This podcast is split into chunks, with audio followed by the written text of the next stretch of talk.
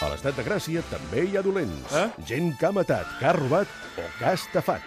I sí, al nostre estat, com a tots els altres, els dolents ens repugnen, però sovint també ens fascinen. Mm. I ningú els coneix millor que el nostre ministre d'Afers Foscos, l'il·lustre, què dic il·lustre, il·lustríssim Carles Porta.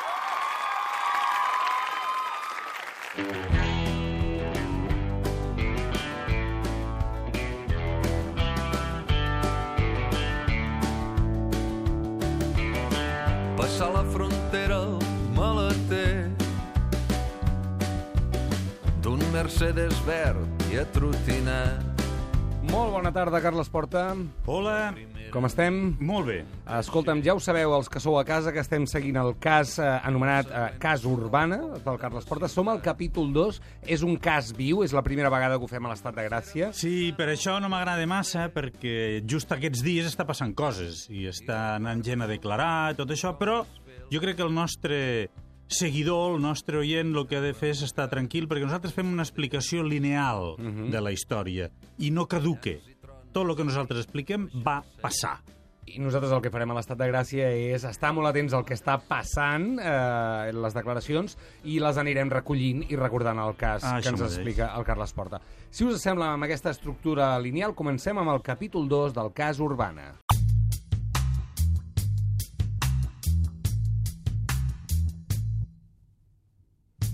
En l'episodi anterior, eh, uns veïns van trobar un cotxe cremat en un camí forestal a prop del pantà de Foix, a pocs quilòmetres de Vilanova i la Geltrú. Quan hi arriben els Mossos, veuen que al maleter hi ha les restes d'un cadàver calcinat.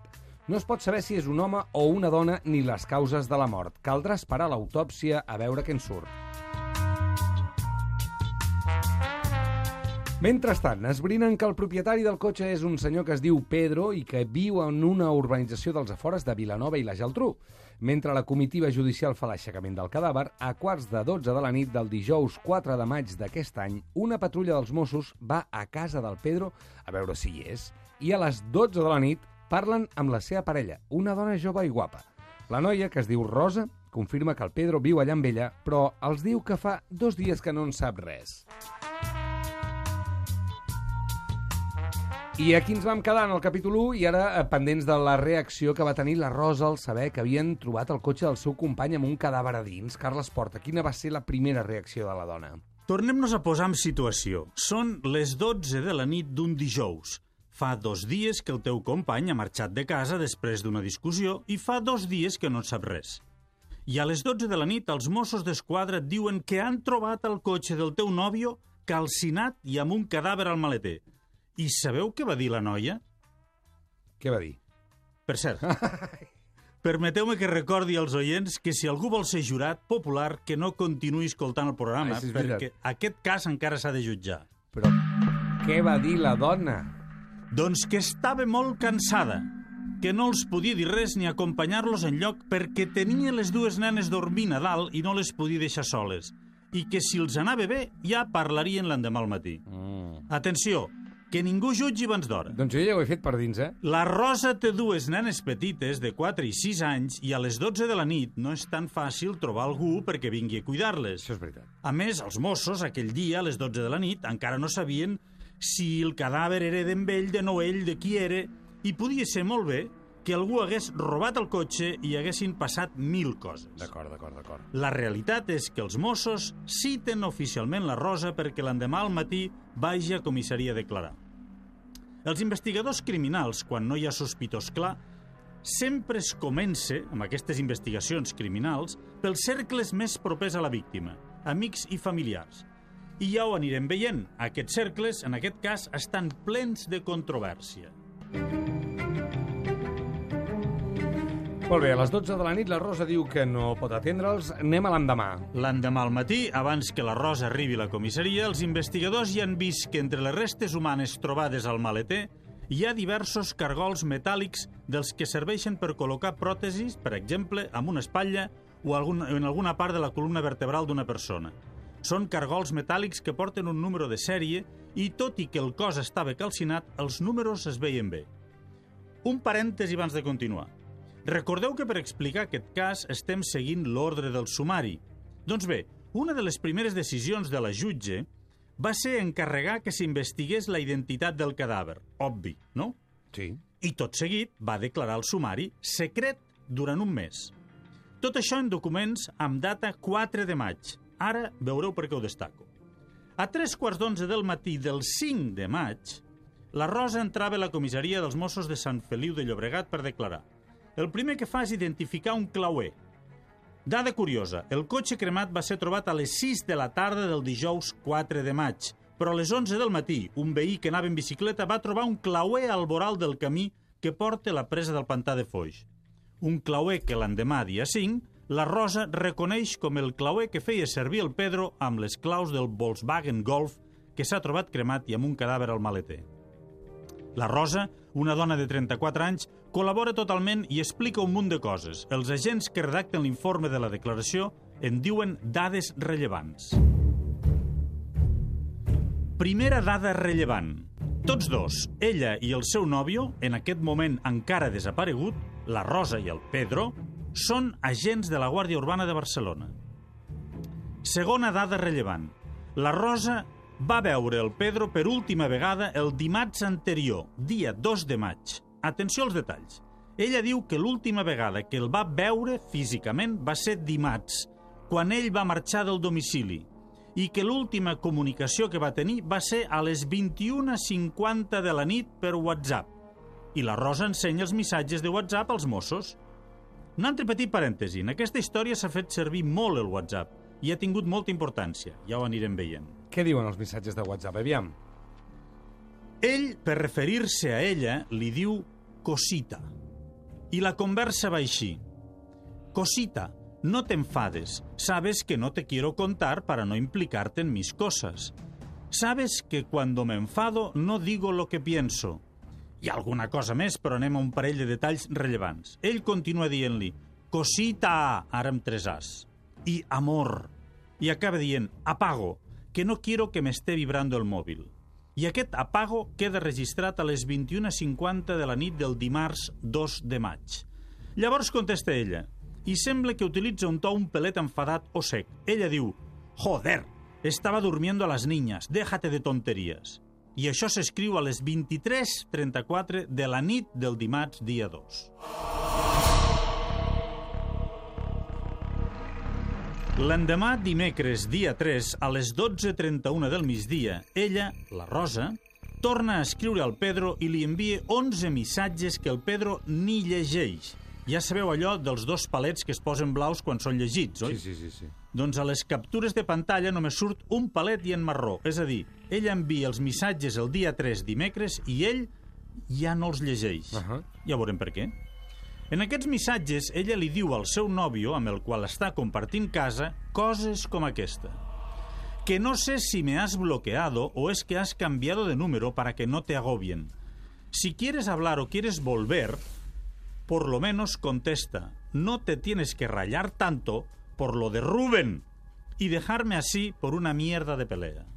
Recordeu aquest Ruben o Rubén Sí. que acaba d'aparèixer. Què tindrà la seva rellevància? Hi ha més conversa i acaba amb un... Y no va contigo huir de todo por muy agobiado o enfadado que estés. Creo que merezco una explicación. Por favor, amor, no me tengas así, te echo de menos. Aquesta és la conversa que ha quedat al mòbil de la Rosa i que ella ensenya als investigadors. I és una conversa d'un dia abans que els Mossos trobin el cos, Sí, no? senyor. No, exacte, el cos i el cotxe. Sí, d'acord. Això és del dimecres dimecres dia 3 i el cotxe el van trobar el dia 4 D'acord. i el cos a dins. Molt bé. Què crida més l'atenció dels Mossos? Doncs aquell matí es van fixar en el Ruben, Mhm. que resulta que és l'exmarit de la Rosa, perquè ella també els fa veure que entre ella i el Rubén hi ha mala relació, hi ha diversos enfrontaments dins i fora de l'àmbit judicial. Tenen conflictes provocats per la custòdia de les filles en comú i resulta que en aquests conflictes el Pedro, el desaparegut, va tenir un paper actiu enfrontant-se al Rubén i fins i tot punxant les rodes, les rodes del cotxe de la mare del Rubén. Uh -huh. Déu-n'hi-do, hi ha molta informació aquí, eh? Recapitulo, sí sisplau, senyor. Sisplau, aviam. A veure, la Rosa, agent de la Guàrdia Urbana de Barcelona, estava casada amb el Rubén i tenen dues nenes petites de 4 i 6 anys. D'acord. Al cap del temps, la Rosa i el Rubén se separen i comencen a barallar-se per la custòdia de les nenes. Una mica més tard, la Rosa se'n va viure amb el Pedro, que també és agent de la Guàrdia Urbana. I, suposo que per defensar-la ella, el Pedro s'enemista amb el Rubén i discuteixen fort, fins al punt que un dia el Pedro punxa les rodes del cotxe de la mare del Rubén. I la Rosa encara explica més coses. Resulta que el Pedro, al qual anirem coneixent a poc a poc, va arribar a contractar una agència de detectius privats perquè seguissin el Rubén per corroborar el domicili vertader, perquè se suposa que mentia en el domicili per tenir avantatges amb la custòdia de les nenes. D'acord, d'acord. Als Mossos els queda molt clar, aquell dia 5 de maig al matí, que entre el Rubén, exmarit de la Rosa, i el Pedro, actual parella de la Rosa, hi ha molt mal rotllo. Un detall que se m'havia descuidat. La Rosa i el Pedro són agents de la Guàrdia Urbana i el Rubén és mosso d'esquadra.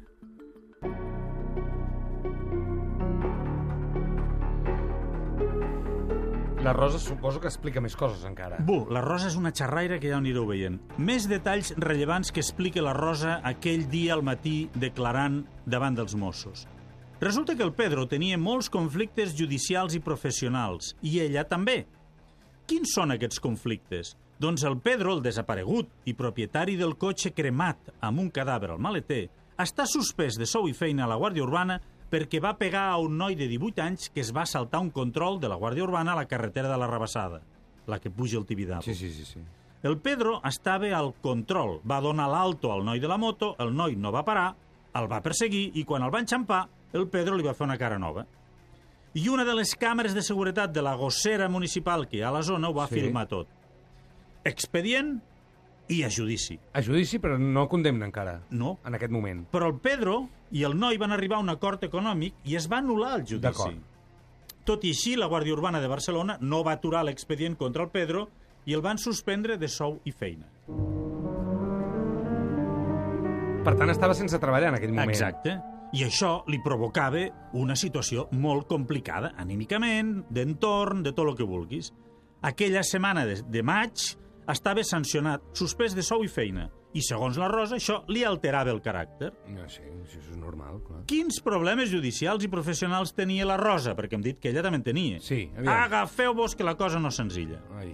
La Rosa està de baixa laboral perquè viu una situació molt desagradable. Ella ha denunciat un sotsinspector de la Guàrdia Urbana perquè, segons ella, el sotsinspector i, per tant, superior jeràrquic d'ella, Sí. va penjar a les xarxes socials una foto on se la veu a ella a punt de fer una fel·lació a se suposa al mateix sotsinspector. Mare de Déu, quin embolic. Voleu més suc al segon capítol? Oh, sí, recapitulem, recapitulem. Dijous 4 de maig Dijous 4 de maig, va. Dijous 4 de maig al vespre es troba un cotxe cremat i al maleter hi ha un cadàver calcinat. El cotxe és de Pedro Rodríguez, que és un agent de la Guàrdia Urbana de Barcelona suspès de feina i sou per haver agredit un motorista indisciplinat. El Pedro és la parella de la Rosa Peral, que també és urbana. I la Rosa està de baixa perquè viu una situació difícil de portar. Un superior seu, amb qui se suposa que va tenir un embolic sexual, se suposa també que va penjar a internet una foto eròtica d'ella. I aviat hi ha d'haver el judici? Escolta, però encara no sabem de qui és el cadàver. No, encara no ho Ens sabem. has dit al principi allò del número de sèrie dels claus. Sí, però no s'ha pogut comprovar encara. Estem parlant de la declaració que fa la Rosa el dia 5 D'acord, d'acord, d'acord. de maig. Llavors, se sospita que pot ser el Pedro, però no hi ha cap realitat que digui que és el Pedro. A més, el cadàver està completament calcinat. Val.